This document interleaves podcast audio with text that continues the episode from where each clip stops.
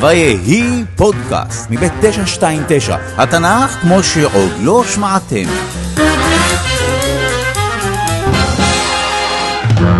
זהו הסיפור על חורבן ממלכת יהודה. חלק שני... רגע, אולי בעצם נזכיר מה קרה בחלק הראשון? אכפת לך שאני אוביל את התזכורת? אני בכל זאת מוביל. אוקיי, למה לא? אז ככה.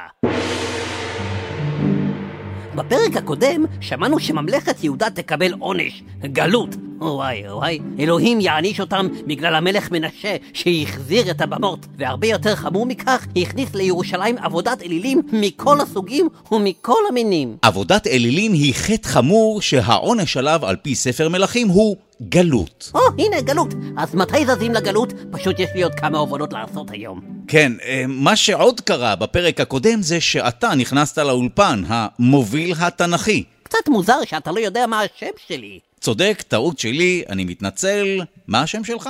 אין לי שם. אני לא דמות קבועה בפודקאסט. בדרך כלל לא משקיעים במתן שמות לדמויות שוליות. הבנתי. אז בואו נתחיל. פרק ראשון, יאשיהו. יאשיהו היה הנכד של מנשה. אני מלך יהודה, ואני עושה מה שבא לי.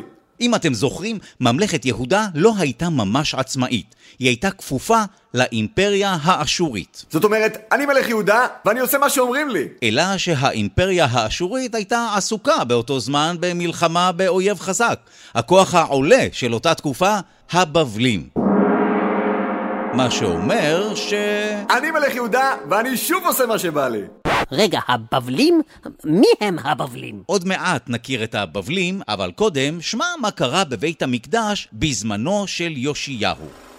שלום, אתה עובד כאן בשיפוצים בבית המקדש? אתה, אתה חלקיהו הכהן? נכון, קראת לי? כן, תשמע, שיפצנו פה בבית המקדש, כמו שהמלך יאשיהו אמר לנו לעשות, יצא יפה, נכון. בכל מקרה, מצאתי פה,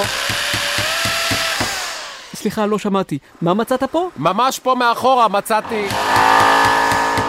עדיין לא שמעתי. אתה יכול להגיד שוב? לא, לא חשוב, אני אראה לך, הנה... אה, אה, זה. ספר? מצאת ספר? יאשיהו הורה על שיפוצים בבית המקדש, ותוך כדי השיפוצים נמצא ספר תורה. אבל יש פרשנים שחושבים שזה היה רק ספר דברים. מעניין איזה ספר זה היה. נו, אז איזה ספר זה? אה, חד משמעית, זה ספר. כנראה שלא נדע. תשמע, הספר הזה הוא תגלית שתשנה את ממלכת יהודה מהקצה לקצה. תגיד לי מה השם שלך פועל פשוט, ואני אדאג שיזכרו אותו לנצח. אה, ממש לא צריך, אני דמות שולית. בדרך כלל לא משקיעים במתן שמות לדמויות שוליות. לא, לא, לא, לא, לא, לא, אני מתעקש. טוב, אם אתה מתעקש, אז השם שלי הוא...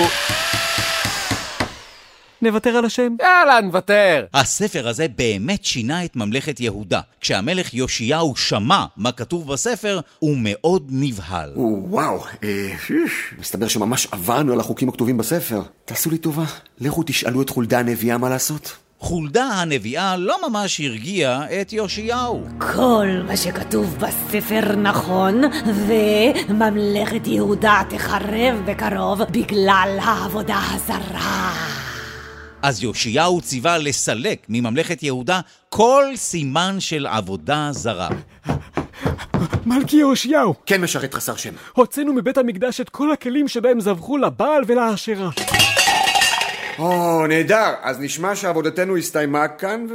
רגע, רגע, גם ביטלנו את כל הכהנים שזבחו לשמש, לירח ולכוכבים. אה, יופי. אז בעצם אתה אומר לי ש... הוצאנו את הפסל של האשרה מחוץ לירושלים ושרפנו אותו, ביטלנו את המנהג של להקריב בני אדם לאל מולך, הפסקנו עם פולחן הסוסים לאל השמש, והרסנו את הבמות ששלמה בנה לאלה השטורת, לאל כמוש, ולמלקום האל של בני עמון. וואו, כמה עבודה זרה הייתה בממלכת יהודה. נשארו לנו רק מגידי העתידות והפסלים של האלילים. ואז צריך לטפל בבמות. כן, יאשיהו עשה מהפך. מהפך. הוא הסיר את כל עבודת האלילים וביטל את הבמות, כל המזבחות שמחוץ לבית המקדש. בקיצור, ממש חזרה בתשובה. אה, או-אה, נשמע שממלכת יהודה חזרה להיות נאמנה לאלוהים. לא, לא שאני מאוכזב, כן? אני פשוט מוביל גלויות, אתה מבין? זו העבודה שלי.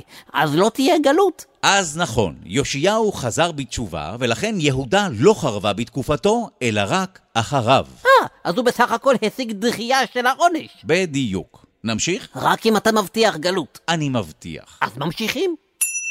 חלק שני, הבבלים.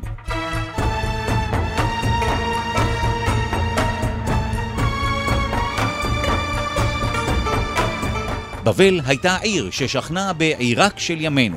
בערך בתקופתו של יאשיהו, הבבלים מרדו באשור, כבשו את עיר הבירה שלה, ואז הפכו בעצמם לאימפריה החזקה באזור. מה שאומר שבתקופתו של יהויקים, הנכד של יאשיהו, יהודה הייתה ממלכה שכפופה לבבלים, ויהויקים נאלץ לשלם להם מיסים. אני לא משלם להם מיסים. אבל מלכי, למה מי הם הבבלים? אולי האימפריה הכי חזקה באזור? אולי. לא אולי, הם ממש הכי חזקים באזור. כן, אבל יש לנו בני ברית, המצרים. המצב של המצרים ממש לא משהו, אי אפשר לסמוך עליהם. נכון, אבל אולי... ממש לא. אבל יש סיכוי ש... אפילו לא קטן. ש... לא, אבל- לא. שכנעת אותי. כן? אני מורד בבבל. יהויקים בכל זאת מרד בבבל, ומכאן העניינים הידרדרו במהירות. נבוכדנצר, מלך בבל, שלח צבאות זרים לתקוף את יהויקים, ואחרי שיהויקים מת והבן שלו, יהויכין, מלך תחתיו, נבוכדנצר הגיע בראש צבא בבלי והטיל מצור על ירושלים. מלכי יהויכין, הבבלים צרים עלינו. למה מי הם הבבלים? אולי האימפריה הכי חזקה באזור? אולי. טוב, אני מרגיש שזו בדיוק אותה שיחה שניהלתי עם אבא שלך. זה לא הולך לשום מקום. אני מתפטר. יהויכין נכנע למלך בבל. הוא הסגיר את עצמו, את משפחתו ואת השרים שלו, וכולם הוגלו לבבל. טוב, זה נשמע כמו גלות, זה הזמן שלי. אני רק אנעל נעליים. אתה בלי נעליים? חשבתי שיש עוד זמן. יאללה, את מי אני לוקח לבבל? הגלות הזאת נקראה גלות יהויכין, ומי שהוגלה בהם אנשי האצולה, הלוחמים וגם החרש והמסגר. החרש והמסגר? כנראה שמדובר באנשי מקצוע שיודעים לבנות כלי נשק ולהקים ביצורים. הבנתי, ככה נבוכדנצר מרוויח פעמיים. הוא גם מונע את הקמתו של צבא ביהודה, וגם מרוויח אנשי מקצוע שיעבדו בשבילו בבבל. בדיוק. חכם. יאללה, אני זז. היה נעים, אבל בסופו של דבר קצת עצוב. אנחנו נתראה בקרוב.